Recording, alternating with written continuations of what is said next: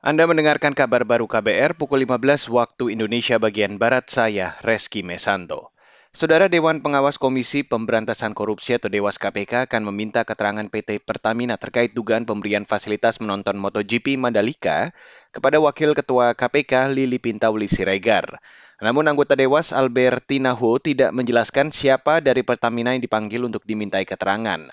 Albertina meminta Pertamina Kooperatif untuk membantu mengusut dugaan gratifikasi penerimaan fasilitas yang diperoleh Lili tersebut. Sebelumnya, Lili dilaporkan ke Dewas KPK atas dugaan pelanggaran etik karena menerima fasilitas akomodasi hotel hingga tiket MotoGP Mandalika 18 hingga 20 Maret lalu dari salah satu perusahaan BUMN. Beralih ke berita selanjutnya, Saudara. Lembaga Pemantau Ekonomi Core Indonesia memprediksi pertumbuhan ekonomi Indonesia bisa mencapai 5% di kuartal pertama tahun ini.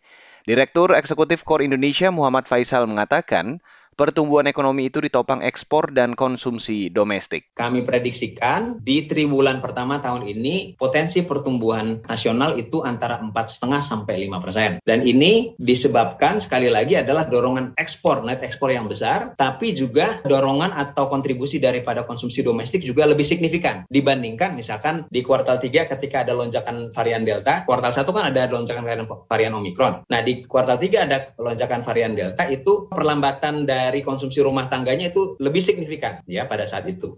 Saudara itu tadi Direktur Eksekutif Kor Indonesia Muhammad Faisal.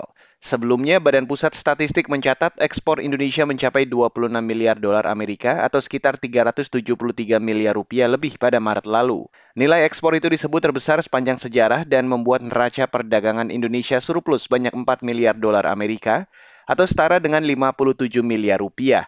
Selain itu, Bank Indonesia juga mengkoreksi pertumbuhan ekonomi dari 4,5 hingga 5 persen sepanjang 2022.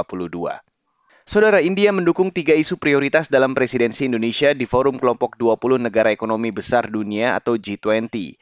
Tiga isu prioritas itu di antaranya arsitektur kesehatan global, transformasi digital, dan transisi energi berkelanjutan. Duta Besar India untuk Indonesia, Manoj Kumar Bharti, dikutip dari Antara berharap Presidensi Indonesia di G20 memberikan hasil bagi pemulihan ekonomi global pasca pandemi COVID-19. India juga bersedia mendukung prioritas Indonesia di G20. Dan saudara, demikian kabar baru saya Reski Mesanto.